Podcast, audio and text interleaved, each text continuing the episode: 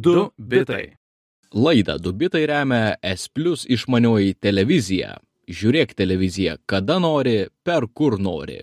Daugiau informacijos splus.lt. Sveiki, žinių radio klausytojai, o ypač klausytojų 0x2A10. Čia girdite laidą pavadinimu 2 bitai. Prie mikrofono esu aš Jonas Lekevičius. Ir... ir aš, Lukas Keraitis, tuoj paaiškinsim, kodėl kreipiamės taip specifiškai. Kaip ir kiekvieną savaitę šiandien su Jonu apžvelgsime svarbiausias technologijų naujienas, kas įvyko šią savaitę, kas įvyko kitą savaitę. Bet prieš tai be abejo pradėsime nuo mūsų NFT temos. Tai yra prieš kelias savaitės, prieš dvi savaitės mes kalbėjome apie NFT, visą laidą paskirėme vien tam, šitam karščiausiam metų žodžiui, kuris, per kitko, šią savaitę yra išrinktas metų žodžiu vieno žodino. Tai žodžiu, ne tik apie tai apkalbėjom, bet ir paleidom savo NFT ir dabar dvi savaitės iki vakar vakaro, jeigu klausėtės mūsų ketvirtadienį, buvo galima pirkti mūsų NFT ir statyti ir mes kaip ir žadėjom visus tos pinigus, kuriuos gausime, jeigu kažkam parduosime, paskirsime kompiuteriukams, kompiuteriukai vaikams fondui. Tai žodžiu, dabar papasakosim, kaip mums sekėsi. Kaip mums sekėsi, Jonai? Aukcionas baigėsi, iš viso buvome sulaukę penkių statymų iš trijų skirtingų žmonių, paskutiniai trys buvo iš to paties. Žmogus tiesiog norėjo viso ko daugiau ir daugiau ir daugiau. Um, ir tas laimėtojas yra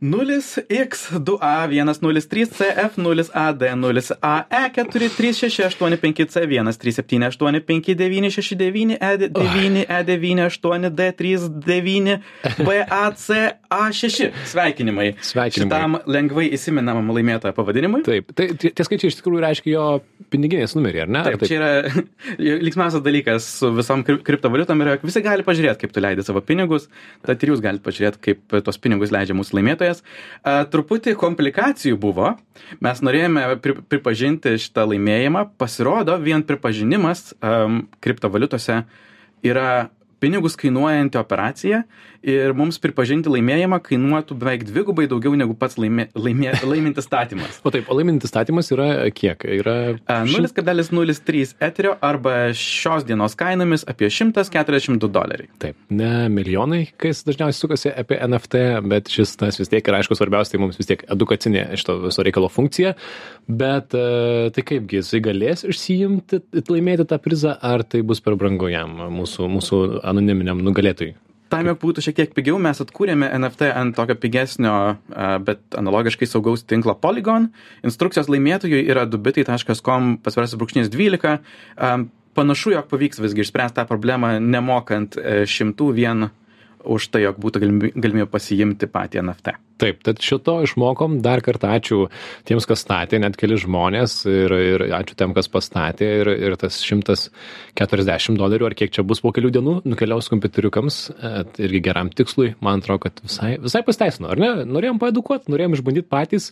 Ir man atrodo, Jonai, kad ir kaip nusimonai, pats turėjai nauji, ką sužinot naujo, ar ne šitame visame reikale. Buvo kad- visai emociniai kalneliai šitas patirtis, bet, bet tikrai įdomi ir smagi. Taip, kai mes iš pradžių bandėm paleisti, aš atsimenu, kaip iš vis ten nieks, nieks neveikia, žodžiu.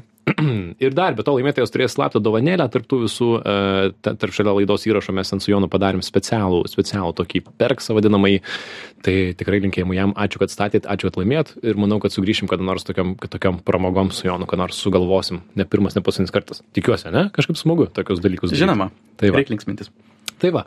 O dabar laikas naujienams. NFT užbaigiame ir šios savaitės naujienos yra kelios. Pirmoji jų yra ta, kad Twitterį, socialinį tinklą Twitter palieka jo vadovas ir vienas iš įkūrėjų Jack Dorsey. Jisai Twitterį vadovavo du kartus - 2007-2008 metais, vos dviejus metus, tuomet buvo išstumtas kitų valdybos narių ir vėl sugrįžo į Twitterį nuo 2015 ir iki dabar. Jis apie tai paskelbė savo Twitter'e, be abejo, kur kitur, eta Jack. Ir, na, ap- Apkalbėsime, ka- kas iš to, bet e, šiaip ar taip Jack, jisai buvo šiokia tokia asmenybė, galbūt ne tokia žinoma visiems kaip, kaip Zuckerbergas ar, ar Amazon vadovai ar dar kažkas kito, bet jisai tikrai yra toksai, na, technologijų mėgėjas ir vis dabar spėlioja, kas toliau bus su Twitteriu. Pažiūrėsim. Um, Panašu, jog šis tas išstumimas iš, iš vadovaujančios pozicijos, jisai pats teigia, jog e, tai yra jo paties sprendimas, e, jog e, reikia, jog įkūrėjai pasitrauktų ir ne- nevadovautų savo kompanijoms, nes tai yra toksai vienas galimas e, lūžio taškas, taip pat, jog šiaip reikėtų perduoti kitiems žmonėms, sumažinti seg- savo ego. Jis pasakė tokį neįtikėtinai kuklę frazę, jog nėra daug įkūrėjų, kurie pasirenka savo kompaniją virš savo pačių ego. Taip, Labai neegoistiška frazė. pasiaukojantis labai. Ir e, aišku, taip dvigubai ironiškai tai skamba. e, Jis taip pat yra ne tik twi twi Twitter vadovas buvo, bet jis ik- iki šiol vadovauja ir lieka vadovauti Square e, mokėjimų kompanijai, kur jis taip pat yra įkūrėjas, tad nežinau, kaip ta jo logika apie įkūrėjų vedamas kompanijas e, galioja. Taip. Esminis skirtumas tarp Square ir Twi- ir Twitterio yra, jog Twitter'y jis neturėjo balsų daugumos. Square jis vis dar išlaiko balsų daugumą ir gali daryti su ta kompanija, ką tik tai nori. Tad labai panašu, jog visgi istorija iš 2008 metų pasikartojo. Iš to, ką galime suprasti iš raibulių vandenyje, e, nauji investuotojai, kurie pernai suinvestavo virš milijardo dolerių į Twitter, um, visgi buvo tokie aktyvistai investuotojai, kurie matė naują viziją uh, Twitteryje, gavo dvi tarybos vietas ir pradėjo gana garsiai išnekėti, net pernai pradėjo uh, kurti vadovų pakeitimo planą.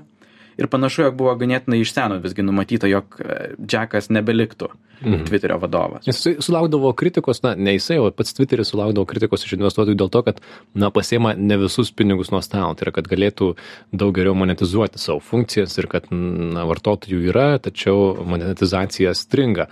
Ir e, dabar e, vadovą pakeis e, iš Indo, Indas, Indų, Indų kilmės Parag Ag- Agravali, bus naujasis Twitter vadovas, dirbantis jame nuo 2011 metų, beje, paskutinius metus dirbo kaip technologijų vadovas, CTO, kas irgi nėra dažnas variantas, kad CTO, technologijų vadovas, užima um, vadovo įmonės, uh, įmonės fazę. Labai retas atvejis, bet labai malonu tą matyti, nes aš, aš taip sakant, laikau sukryžiavęs prieštus, jog tai pasisektų, nes e, pats, e, kai esu iš tokių technologijos ryčių, norisi matyti ne vien vadybininkus kylančius į vadovavimo pozicijas, bet ir technologus. Taip, man atrodo, visiems, kas technologiją seka, smagu, smagu yra, kuo pasidžiaugti. E, šiaip ar taip, iš mūsų dviejų, le, tu esi daug aktyvesnis Twitter'yje, e, Etalikevičius, pafollowinkit O, taip. Leoną, e, Leoną, e, Joną, kas norite, ir e, jis tai ten tikrai karts nuo karto parašo, aš tai daug daugiau kažkur Instagraminu, Facebookinu. Tai kaip manai, pasikeis kažkas Twitter'yje nuo to, kad išėjo vadovas, kažkas į gerą, į blogą, nes aš pas tai ten būnu labai retai, mane tiek ir skauda. Aš laikau viltį, jog iš tiesų pasikeis ir manau, kad į gerą. Nes, aišku, viena tai yra turbūt sunku būti kelių kompanijų vadovu jums vienu metu ir skirti analogišką dėmesį. Aišku, Elonas Muskas, būdamas penkių kompanijų vadovu, juokiasi turbūt. Um, bet, bet klausimas, kiek Jack Dorsey pavykdavo suderinti šitas dvi skirtingas kompanijas, tad turėti pilną laiką skirianti vadovą, manau, yra gerai. Ir kitas dalykas, Džeko idėjos visą laiką būdavo tokios truputį svajokliškos Mhm. ir truputį labiau kosmose ir danguje negu, negu ant žemės, ga- galvojant, kaip iš tiesų iš to padaryti verslą.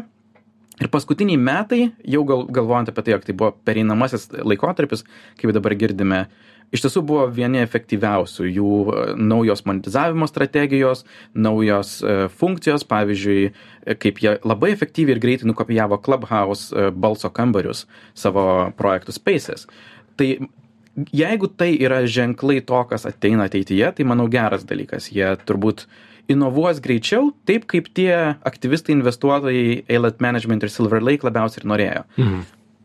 Ir spekuliuojama garsiai, kad, na, Džekas buvo, lab, yra vis dar didelis kripto technologijų gerbėjas, galbūt nueis dirbti ten pilnu, pilnu etatu, pirmu, pilnu savo laiku. Tai pagyvensim, pamat, pamatysim, ar ne? Uh, Mini sąmokslo teorija, matau, desi pasirašęs apie tai, apie visą šitą istoriją. Mini sąmokslo teo- teorytė, kuri nuskambėjo kelios dienos po šito paskelbimo, buvo bendrai šis paskelbimas buvo ganėtinai keistas. Jis pirmiausia buvo nutekintas a, kaip a, toks neoficialus šaltinis CNBC, kurie paskelbė, jog Džekas pasitraukė ir tik tai po kelių valandų Džekas tą oficialiai pats parašė Twitteryje. Um, ir to teorija yra, jog vėlgi čia yra dalis to aktyvistų investuotojų pl planas. Jie norėjo užtikrinti, jog Džekas tikrai pasitrauks, jog nepersigalvos uh, pakeliui ir tiesiog nutegino tą informaciją, jog nebeliktų jokio šanso apsisukti atgal. Taip. Na, tad sėkmės, Eta Jack, kad ir kur tu bebūtum, įdomu sekti tavo, tavo istorijas. Kitos kelios naujienos atkeliauja iš Junktinės karalystės ir štai ką, apie ką mes dar norim pakalbėti. Junktinės karalystės konkurencijos reguliavimo tarnyba Facebook motininiai kampanijai, kuri dabar vadinasi Meta, sako, kad jie turėtų parduoti giphy.com svetainę, kuri, na, tikriausiai žinote, yra visų GIF formatų, e, formato vaizd- vaizdų tarsi bankas, visi gifai keliauja iš ten.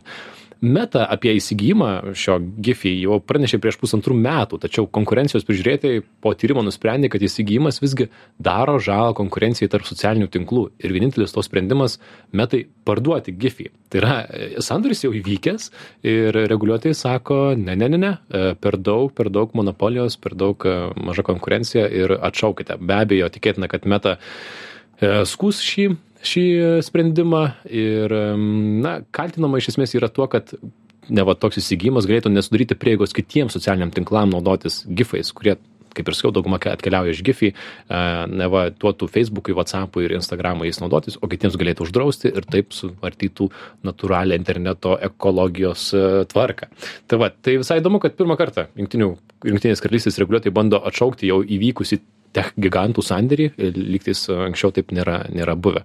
Ir Jonas išvelgia čia tam tikrą hmm, gilesnį, gilesnį dalyką, kurio aš tikrai nebūčiau pastebėjęs. Tai Visų pirma, tai bendrai pats procesas, kur reguliuotojai tik tai vėliau pasako savo išvadas po nusi- nusipirkimo, nėra labai retas. Tai yra ganėtinai standartiška, jog e, paskelbia norą pirkti ir kartais užtrunka, vat, kaip šitas pavyzdys parodo, kažkiek metų sugalvoti.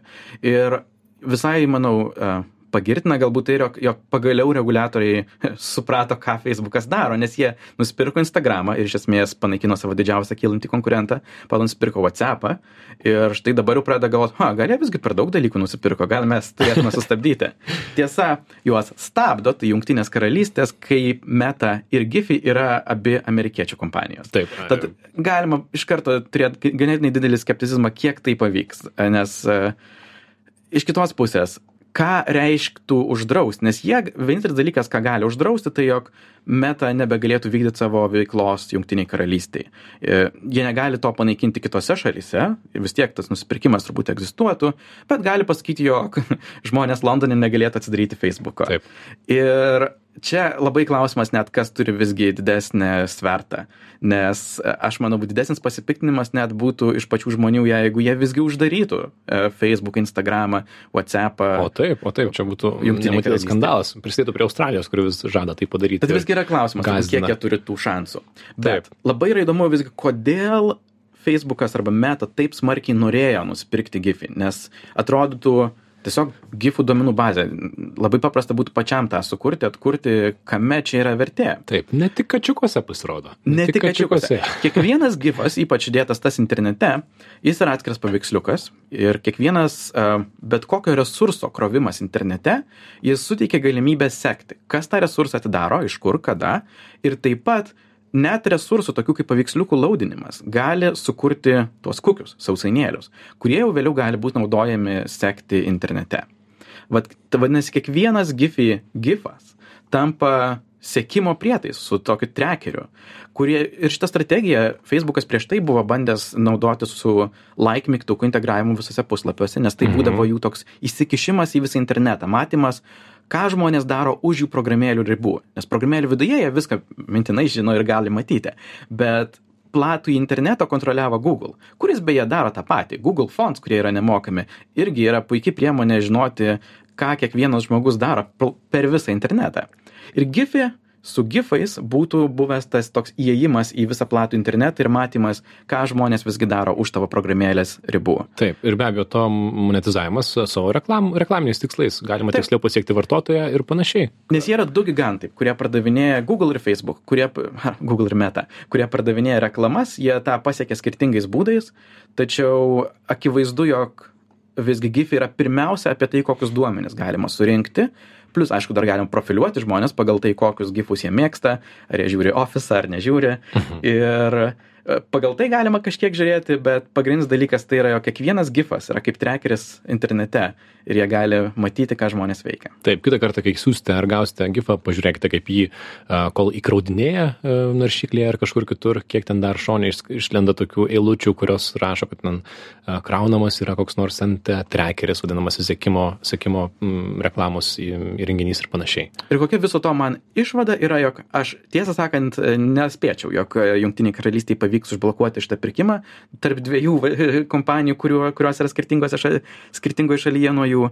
Um, tačiau galbūt tai bus dar vienas priminimas reguliatoriams, jog galbūt reikia dar griežčiau kontroliuoti, reguliuoti ne vien jau ES sugalvotų um, GDPR ir sausainėlių statymus, bet galbūt ir likusios šalis pradėtų galvoti, jog, aha, visgi yra daug priemonių sekti žmonės internete ir galbūt tai nėra labai gerai taip. Ir kita naujiena iš esmės taip pat keliauja iš jungtinės karalystės ir yra susijusi taip pat su privatumu.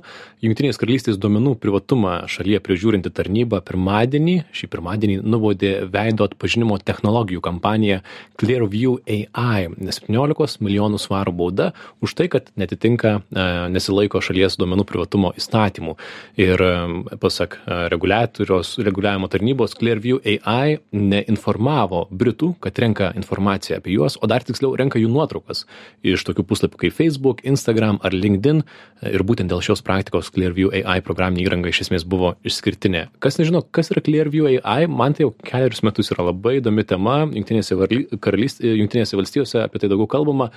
Ką darė iki šiol Clearview AI? Jie sukūrė puikią veidų atpažinimo programą, kurią apmokė tokiais duomenimis, kurių paimti kiti nedrįso. Jie ėmė iš Facebooko, Instagramo žmonių nuotraukas, turi 3 milijardus nuotraukų iš socialinių platformų ir jomis atmokė, ir tu tais vaizdais apmokė atpažinti veidus ir dabar tą programinę įrangą pardavinėja policijų departamentams, vidaus reikalų ministerijoms. Iš esmės jau yra, na, bent kiek čia skaičiuoju, 25 šalis BuzzFeed tyrime uh, figuruoja, kad naudoja šią, šią technologiją ir teko skaityti prieš porą metų, kaip pirmą kartą policija išbandė tą technologiją ir iš tikrųjų įspūdinga. Gauni programą ir turi bylą kuri tau neišspręsta galbūt penkiolika metų nes tu niekaip negali atpažinti įtariamojo kuris ten galbūt nu kadre yra kampe užfiksuotas porą sekundžių įkeli tą kadrą ir tau per porą sekundžių suranda jį neįtikėtina ar ne atrodo.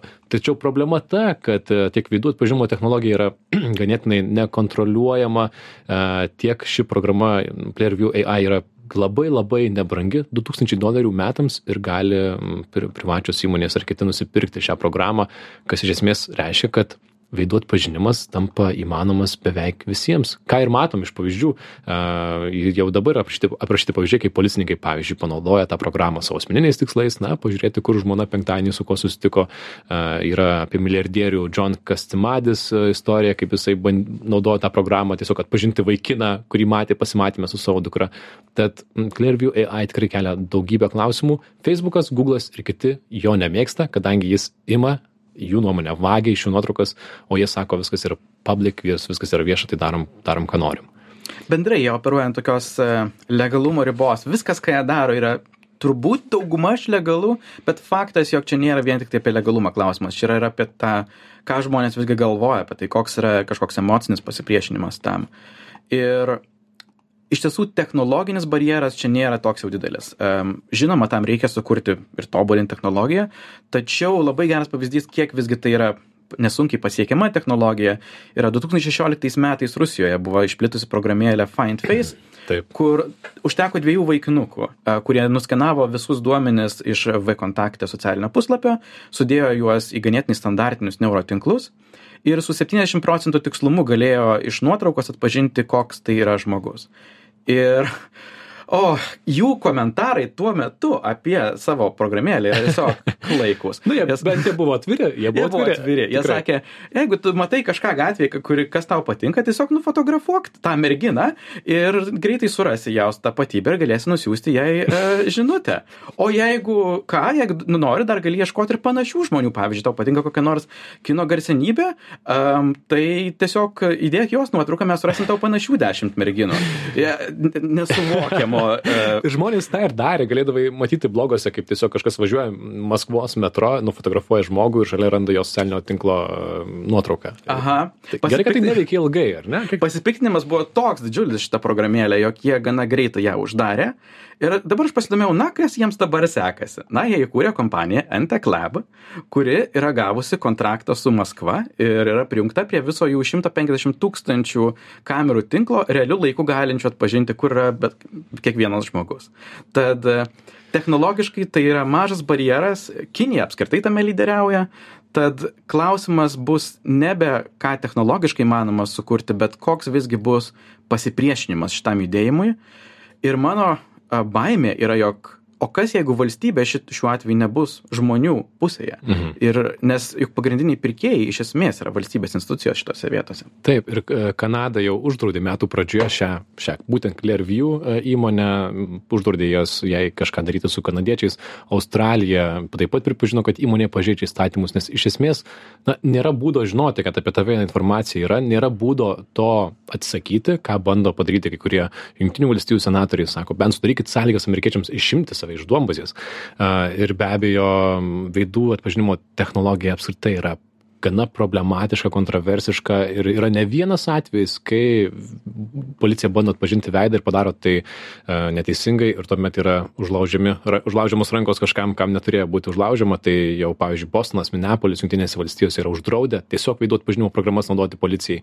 Kitur reikia teisėjo ar prokuroro parašo, o ką rodo BuzzFeed tyrimas, kad na, iš susirašinėjimų su Clearview AI susirašinėja su kažkokiu departamento policijos, kurį gerai pažįsta ir parašo policininkas, sako, man nepavyksta dabar prisijungti, gal galite man prisijungimą į asmeninį Gmail paštą duoti.